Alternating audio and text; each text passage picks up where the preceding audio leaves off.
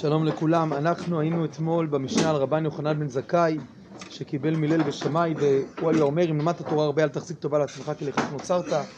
ראינו אתמול מקצת גדולתו של רבן יוחנן בן זכאי את כל הפלא של גדלותו התורנית ומתוך זה המסר שלו שלכך נוצרת ואל תחזיק טובה לעצמך. והיום נשלים על דמותו של רבן יוחנן בן זכאי ונדבר, כפי שאמרנו שנאמר היום, בנושא של הנהגתו בדור של חורבן. הגמרא בגיטין דף נ"ו עמוד א' בואכה אה, עמוד ב' מספרת על אבא סיקרא שהיה ראש הבריונים של ירושלים והוא היה אחיינו בן אחותו של רבן יוחנן בן זכאי. שולח לו רבן יוחנן בן זכאי תבוא אליי. אתם, הוא מוכיח אותו שהם הם, הם, הם נלחמים אלו באלו שנאת אחים שורפים את המחסנים מה שמביא רעב מביא לסכנה לכל עם ישראל ירושלים אז אומר לו, אני לא יכול לעשות כלום, אם אני אגיד משהו, יהרגו אותי. זה כבר עצמו מסר, שברגע שדברים כבר בנויים על, על תהליכי השנאה, כבר ראש השונאים לא יכול לומר כלום, כי, כי כשיש, כל התהליך הוא, הוא התקוטטות אחד מול השני, אז הוא כבר לא יכול לעצור את זה, זה כבר לא לשמה, זה כבר מגמות שמזינות את עצמם, שאם הוא עכשיו יחזור בתשובה, לא יקבלו את דבריו, יהרגו אותו גם כן, אז הוא עצמו כפוף למגמות השליליות הללו. זה בפני עצמו שיעור גדול, אבל זה לא הנושא שלנו. אומר לו רבן יוחנן בן זכאי, ת, ת, יש, יש פתרון שתעזור לי לצאת מירושלים להגיע לקיסר. אז אומר לו האחיין שלו, ראש הבריונים, תעשה את עצמך חולה, תוציא שמוע שאתה חולה, אחרי זה תביא משהו עם ריח רע לידך, עד שיצא שמוע שאתה מת. ואחרי זה רק התלמידים שלך שילכו איתך ויוציאו אותך. ואז מה שקורה זה שהוא יוצא רבן יוחנן בזכאי כשהוא בעצם במיטה כביכול מת. שני תלמידים מובילים אותו, אני חושב שיש פה הערה אלוקית מעבר לפשט. מי היו שני התלמידים אומרת הגמרא? רבי אליעזר בן אורקנוס ורבי יהושע, כן? הוא קיבל מהלל ושמאי, ואחרי זה שני התלמידים הגדולים שהם, אחד שמותי, אחד בית שמאי ואחד בית הלל, שהמרתן ראש הכנאי, המחלוקת הגדולה ביניהם, שני גדולי העולם הללו, אבל בעצה הזאת שרבן יוחנן בן זכאי במצב הקשה הקיים, יש פה הסכמה של בית הלל ובית שמאי, של אמת והשלום, שזה, משני היבטים צריכים להכריע את ההכרעה הזאת ותומכים ברבן יוחנן בן זכאי, הם תומכים. אפשר לומר פה שוב, הפשט פה יש פה תרגיל פשוט לצאת מירושלים בלי שידעו הבריונים. יש אולי מקום להתבונן, שמא לפחות בצד הנגלה יש פה מיתתו של רבן יוחנן בן זכאי וצריכים עכשיו לתמוך בה שני הצדדים של הלל ושמאי והסכמה יחד איך מהדבר הזה בעצם יוצרים אה, תחייה מחודשת לבית ישראל. הוא יוצא והסיפור המפורסם שהוא מגיע לאספסיאנוס שעוד לא היה הקיסר והוא אומר לו שלום עליך מלכה. איך אתה? אני לא מלך? מה, אתה, אתה חייב מיטה מה פתאום אתה, אתה מדבר אליי ככה אז הוא אומר לו הלבנון בדיר ביפול ואין לדיר אל המלך אז אתה ודאי תהיה מלך. והוא אומר לו ומתחיל להיות משא ומתן ביניהם בין, ואז הוא מקבל שמוע שהוא יהיה המלך. ובסופו של דבר הוא מתחבב עליו רבן יוחנן בן זכאי והוא שואל אותו מה אתה רוצה? ורבן יוחנן בן זכאי מבקש את יבנה וחכמיה את השושלת של רבן גמליאל. אתמול הזכרנו שלפי המפרשים זה חלק מהסיבה שהוא היה נשיא ורבן גמליאל לא היה נשיא, אז רוב המפרשים אמרו הוא היה עדיין קטן רבן גמליאל דיאבנה. והיה מי שאמר, החידה הציעה שרבן גמליאל לא יכל להיות נשיא כי הרומאים שנאו את הנשיאות. אז בינתיים חביבם, רבן יוחנן בן זכאי, הוא התמנה עד שהוא יכל להחזיר את הנשיאות לרבן גמליאל. מכל מקום, הוא ביקש גם את התרופות לרבי צדוק הצדיק שהיה כולו מיוסר בתעניות, ולמעשה רבן גמליאל מכריע שעוברים ליבנה, מצילים בעצם את שארית הפלטה מוותרים על איזשהו מקום פה על ירושלים, אבל מבססים את הכל מחדש דרך יבנה, כרם ביבנה, דרך אותה הנהגה של כרם ביבנה. ולמעשה על זה יש מחאה של רבי עקיבא ורבי יוסף, משיב אה, חכמים אחור בדעתם מסחל, היית צריך לבקש על ירושלים, לא לוותר, לא להתפשר על זה, אבל רבן יוחנן, וזאת מחאה שצריכה להישמע, לדעת שבסוף התיקון השלם שלנו בהכל, אבל בסוף ההנהגה המעשית, וזה מה שקרה, אה, בהנהגת הדור אצל רבן יוחנן בן זכאי, והוא מכריע בעצם את הסיפור של רבנן דיבנה. במלכים ב' פרק כ"ה כתוב, ובחודש החמישי בשבעה לחודש, היא שנת 19 שנה, היא שנת 19 שנה למלך נבוכדנצר מלך בבל, בא נבוזראדן רב הטבחים עבד מלך בבל בירושלים, וישרוף את בית השם ואת בית המלך ואת כל בתי ירושלים ואת כל בית, הגדול, בית גדול בית גדול שרף באש. מה זה בית גדול? בית השם זה בית המקדש, בית המלך זה בית המלך. מה זה בית גדול שרף באש? במגילה, דף כ"ז עמוד א', אז יש שתי דעות, האם זה שרבי יוחנן ורבי שובל לוי, אחד אמר מקום שמגדלים בו תורה, אחד אמר מקום שמגדלים בו תפילה. אבל בירושלמי, מה שנאמר, מה זה את כל בית גדול שרף באש? זה מדרשו של רבן יוחנן בן זכאי, ששם היו מתנין, מתנין, כלומר מלמדים, גדולותיו של הקדוש ברוך הוא. כגון סיפרה נלית כל הגדולות אשר עשה אלישע. כלומר, נשרף בית מדרשו של רבן יוחנן בן זכאי, והוא מייסד את הכל מחדש בכרם ביבנה. ואנחנו רואים בתקנות, תשע תקנות של רבן יוחנן בן זכאי, למרות שבגרת אופשר הגאון ראיתי שכתוב עשר, אבל במקורות אחרים מופיע תשע תקנות של רבן יוחנן בן זכאי, וחלק מהם אפשר לראות בבירור איך הוא מבסס כהנהגה, איך בונים מציאות של אין בית מקדש, איך מצד אחד נותנים תוקף והמשכיות לחלק מהמצוות שעכשיו של בית מקדש בתוך המציאות הזאת שלנו בהיעדר מקדש, ואיך מצד שני בונים זיקה למקדש, ואיך מצד שלישי מבססים שיש מעמד מסוים לסמכות התורנית של, של הסנהדרין כתחליף מסוים למקדש.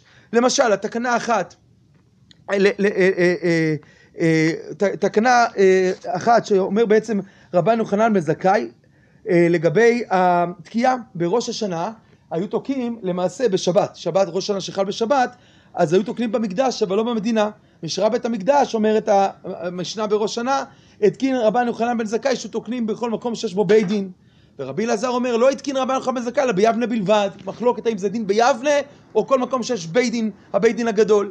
אבל הוא מבסס פה אין מקדש אבל, אבל יש פה בחינה של מקדש שנמצאת בבית דין של תורה ומבסס שיש המשכיות מסוימת למרות שזה ודאי לא גדר שלם של מקדש תקנה נוספת שאנחנו רואים בראשונה ניטל לולב, אה, זו המשנה בסוכה, במקדש שבעה ובמדינה יום אחד. משרה בית המקדש התקין רבן יוחנן בן זכאי שלולב ניטל במדינה שבעה זכר למקדש ושיהיה יום הנף כולו אסור. כן, זה גם בראש השנה וגם בסוכה. בראש השנה נאמר על זה בדף ל' עמוד א', מנהלן דאבדין על זכר למקדש. ומביאים פה את הפסוק ציוני דורש אלא מקל דבעי דרישה. כלומר, הוא מתקן לגבי הנושא של אחרי החורבן, שנותנים לולב כל שיבה זכר למקדש, פה הביטוי המבוקש בתקנה, הוא, יש לנו זכר למקדש.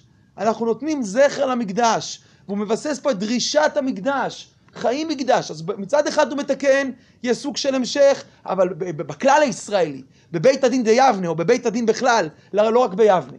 וצד שני, להמון, זכר למקדש. ולגבי יום הנף כולו אסור. יום הנפת העומר, שהיה את בית המקדש מהרגע שהקריבו קורבן העומר, אז מותר לאכול את החדש. משחרב בית המקדש, הוא התקין שיום הנף כולו אסור. יש שתי דעות בגמרא בראש שנה, מה הכוונה. דעה אחת אומרת, מעיקר האסור כל היום כולו, והוא רק תיקן שלא יטעו. כי כיוון שחרב בית המקדש, לא יודעים שזה כל היום כולו, כי רגילים שבאמצע היום כבר מותר, אז הוא רק ביסס את דין התורה. לדעה השנייה שמופיעה, הראשונה למעשה בסוגיה בגמרא, לא כדעת רבי יהודה, למעשה באמת מקצת היום ככולו והיה מותר מעיקר דין תורה כבר כשאין בית מקדש מתחילת ט"ז לאכול. אבל הוא אומר, רגע, מהרה ייבנה המקדש, אם ייבנה בית המקדש, מה זה מהרה? מה, ייקח עכשיו מיד? אנחנו כבר אלפי שנים מחכים למהרה. לא, לא, לא, אתה חי בתודעה של מהרה ייבנה בית המקדש. והתודעה הזאת יוצרת את הזיקת מקדש. אז אנחנו רואים בתקנות הללו, איך מצד אחד מעמד כלל ישראל בבית הדין בבחינה מסוימת, מצד שני להמון מהרה ייבנה המקדש, וגם לבחינה שדעת רבי יהודה, וכך גם הרמב"ם פסק להלכה, שמעיקר הדין כל היום כולו אסור, רק ביסס את דין התורה, אז גם זה חלק מעבודתו. השתנתה המציאות, אין בית מקדש, צריכים לתקן את הדינים כפי שהתורה רוצה במלואם, במציאות של אין מקדש, וכל זה פועל רבן יוחנן בן זכאי. ואנחנו מוצאים גם במסכת אותנות, במסכת אבות דרבי נתן, נוסחה שנייה, פרק ח', מעשה ברבן יוחנן בן זכאי שם מהלך בדרך ורץ אחריו רבי יהושע. אמר לו, אוי לנו שבת בית חיינו, מקום שם מכפר על עוונותינו. אמר לו, אל תירא, יש לנו כפרה אחרת תחתיה. מהו? אמר לו, כי חסד חפשתי ולא זבח. זה לא אמירה אה, שעומדת רק לעצמה, צריך להבין אותה להקשר, חרב בית המקדש, כמו פשט הממרה. אין סיכוי, מה יש לנו? אנחנו אבודים. רבי רבן יוחנן בזכאי לוקח את זה לאמירה אל תירא, אמירה, אמירה, אמירה שלו זה לא רק אומר לו יש, אל תירא, אל תאבדו את כל התחושה שאין. יש פה סילוק קדושה, זה סילוק גדול, זה היעדר עצום, היעדר בית מקדש. מיום שחרב בית המקדש, כל כך הרבה דברים שחסרים, אומרת המשנה בסוטה. מה זה? זה, זה, במסתרים תבכה נפשי פני גבה. גבתם של ישראל, דברים חמורים. בא גדול הדור, רבן יוחנן בן זכאי, אומר הנהגה ברורה. יש לנו עכשיו לעבוד על התהליכים הפנימיים. יש עכשיו לעבוד על החסד, על התהליך הפנימי, ויש מה להתבסס על זה, יש לנו במה לאחוז, וזה עבודת השם שלנו. ההנהגה הזו דורשת איזשהו מתח עצום בלהכיר במציאות שקיימת ולעשות עימה פשרה, לבין למשוך כל הזמן את המציאות אל האמת העליונה. לכן אמרתי שזה אולי זה הרע שלדורות שרבי אליעזר ורבי יהושע הולכים, הם, הם אלה שנושאים אותו להחלטה הזאת, צריך פה את שני הצדדים הגדולים הללו. של רבי יהושע שלא בשמיים עם רבי אליעזר בן אורקינוס עם כל הצד של בית שמאי שיש פה איזה צד שכל הזמן ליצור את הממשק שוב. ודאי שגם רבי יהושע וגם רבי אליעזר כל אחד נמשך לשתי, לשני הכיוונים. הכוונה היא בדומיננטי. וממילא למשוך את זה של איך זאת ההכרעה. אי אפשר עכשיו משהו אחר. אבל יוצרים זיקה אל הגודל, זיקה אל המקדש, חיים בתודעה של מהרה. ייבנה המקדש, עבדין על זכר למקדש, אבל לא חיים במציאות של אין לנו כלום, אוי לנו כי הושברנו, לא נשאר שום דבר, ואין מה לאחוז עכשיו. יש מה לאחוז עכשיו. זה הנהגה מאוד סבוכה, זה הנהגה מאוד פילית, מה שמתקין רבן יוחנן בן זכאי. והיסוד הזה שאנחנו רואים בתקנותיו, אנחנו מנסים פה לתת מעט, לא את כל, אבל סקירה ממקורות חז"ל, לראות את ה... הוא היה אומר, את, ה, את, ה, את, ה, את המפעל של רבן יוחנן בן זכאי, אנחנו מגיעים לגמר בברכות דף כ"ח עמוד ב', כשחלה רבן. רבי יוחנן בן זכאי, נכנסו תלמידיו לבקרו, כיוון שראה אותם התחיל לבכות, אמרו לו תלמידיו, נר ישראל, עמוד הימיני, פטיש החזק, כך הוא היה, גדול הדור, רבן של כל ישראל, מפני מה אתה בוכה? אמר עליהם לפני מלך בשר, ודאי אם הוא הליכים אותי, שיום קל ומחר בקבר, שאם כועס עליי כעסו כעס עולם, ואם מוסרני אין איסורו איסור עולם, ואם אמיתני אין מיתתו מיתת עולם, ואני יכול לפעשו בדברים לשחדו בממון, אף על פי כן הייתי בוכה. עכשיו שמוליכים אותי לפני מלך מלכי המלכים הקדוש ברוך הוא, שהוא חי וקיים לעולם ולעול מעולמים, שאם כועס עליי כעסו כעס עולם, ואם מוסרני איסורו איסור עולם, ואם אמיתני מיתתו מיתת עולם, ואני יכול לפעשו בדברים לשחדו בממון, ולא יודע שיש לפניי שתי דרכים, אחת של גן עדן, אחת של גיהנום, ואני יודע באיזה מוליכין אותי, ולא אבכה. אמרו לו רבינו, ברכנו, אמר להם מרצון שתי מורה שמיים עליכם כמורה בשר ודם. אמרו לו תלמידיו עד כאן? מורה בשר ודם? אמר להם ולוואי. תדעו שאדם עובר עבירה, אומר שלא איראני אדם. בשעת פטירתו אמר להם פנו כלים מפני הטומאה והכינו כיסא לחזקיה מלך יהודה שבא. לפני הסיפא הוא אומר משפט מזעזע. יש לפניי שני דרכים, אחת של גן עדן ואחת של גיהנום, ואני יודע באיזה מוליכים אותי. נו מה, זה באמת? אתה? יש שאלה בכלל, לאן מוליכים אותך? יש, יש, אם אותך, אז, אז, אז זה קטרוג על כל עם ישראל, אז איפה כל עם ישראל יהיה? נו, מה השאלה? מה, זה באמת? רבי יוחנן זכאי, הוא אומר אמת. וזה מתקשר לגמרי למשנה. כי מה אמר רבי יוחנן, רבי יוחנן בן זכאי במשנה? אם למדת תורה הרבה, אל תחזיק טובה לעצמך, כי לכך נוצרת. אולי כל הגודל שלי, זה מה שנוצר, זה הייעוד שלי, זה, לזה נתנו לי כישרונות. מי אמר שעשיתי מה שצריך? מי אמר שמודדים ביחס לאחרים? לכך נוצרת, אני באמת לא יודע. אולי לא עשיתי מה שצופה ממני, אולי נהגתי לא נכון. אולי פעלתי לא נכון. זה המבט שלו, לא, זה העומר שלו עד, עד יומו האחרון, עד, עד הרגע האחרון שהוא נפטר. זה פילי פלאים הדבר הזה. ו, ו, ומהמקום הזה, אה, הוא אומר להם, הלוואי ויהיה לכם מורה בשר ודם, מה שמזכיר את הגמרות שראינו אתמול על השה, על הטלה, ועל. סליחה, על הכפל של גנב וגזלן. למה, למה הוא מסביר את הטעם, למה גנב אה, כפל וגזלן לא, אה, לא, לא משלם כפל, כי עשה עין של מטה הגנב יותר מהעין של מעלה, כן? שהקדוש ברוך הוא כביכול מזה לא מפריע לו לגנוב, העיקר שאחרים לא יראו, לעומת הגזען שמקולקל בשם, לפחות לא, לא מיעט כבוד שמיים.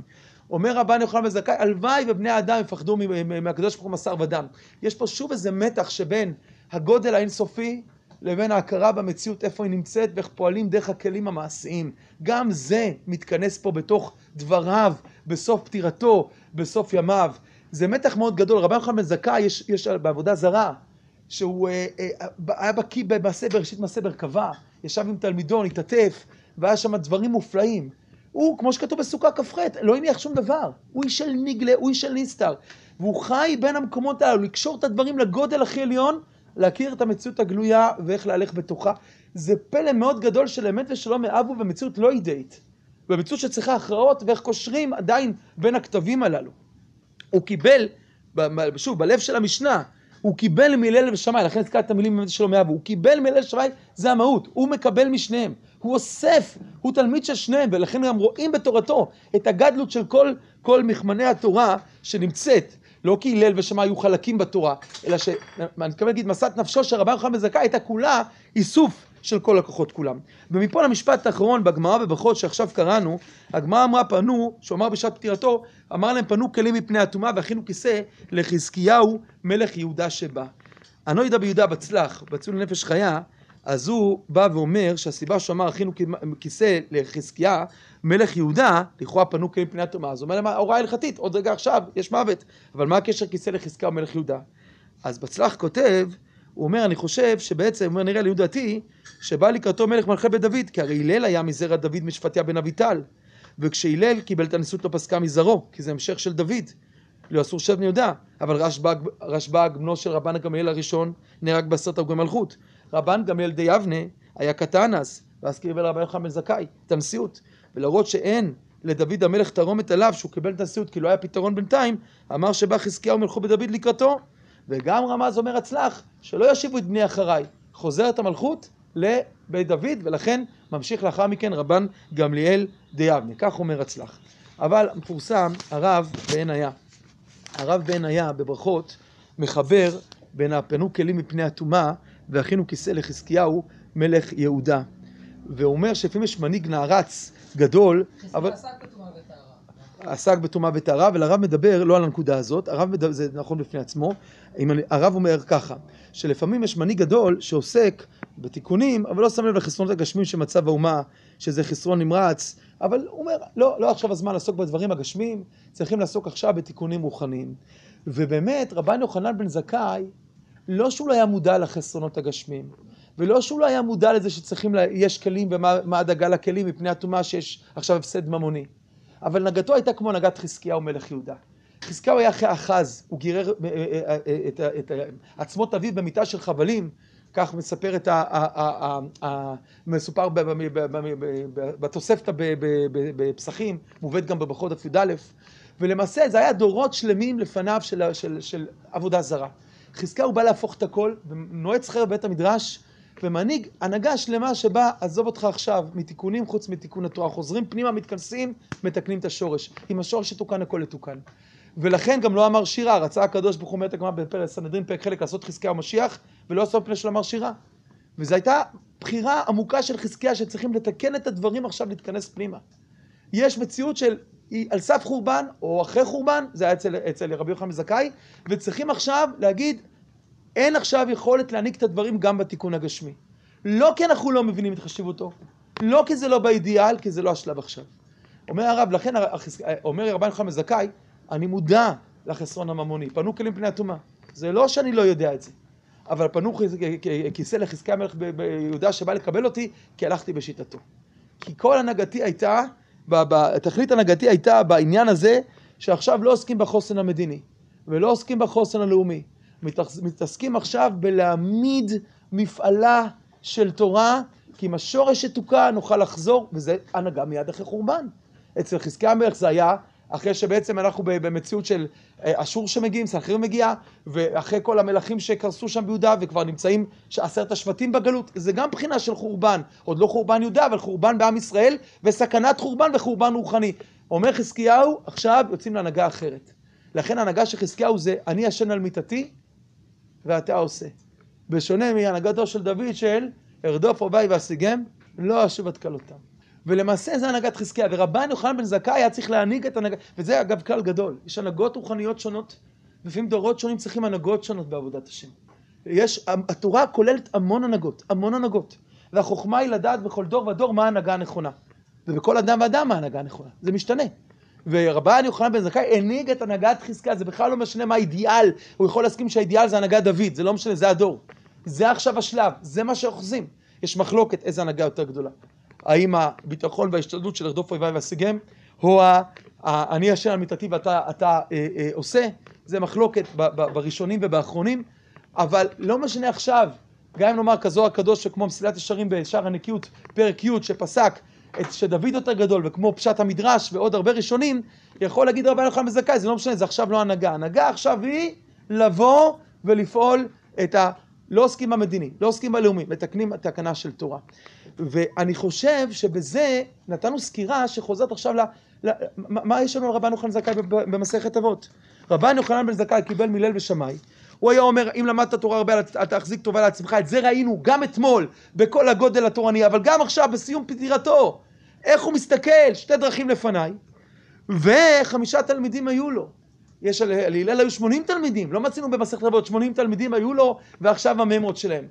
המפעל הגדול עכשיו הוא ההתעסקות בהעמדת יבנה וחכמיה, בהעמדת כל בניין התורה, בהתכנסות פנימה כדי לבסס את כל כוח האומה שבעצם הולך ונופל, צריכים להעמיד אותו דרך אותו הבנה שעכשיו עוסקים בתלמידים, הוא מונה שבחם ובונה בעצם את כל היחס הזה לבית המדרש פנימה. לסיכום, אנחנו רואים איך המשפט אחד שרבן יוחנן בן זכאי, משפט נורא פשוט, אל תרבה טובה, אל, אל תחזיק טובה לעצמך וחמישה תלמידים, אבל על פניו לכאורה מקופל פה מפעלו של רבן יוחנן בן זכאי עד כאן להיום.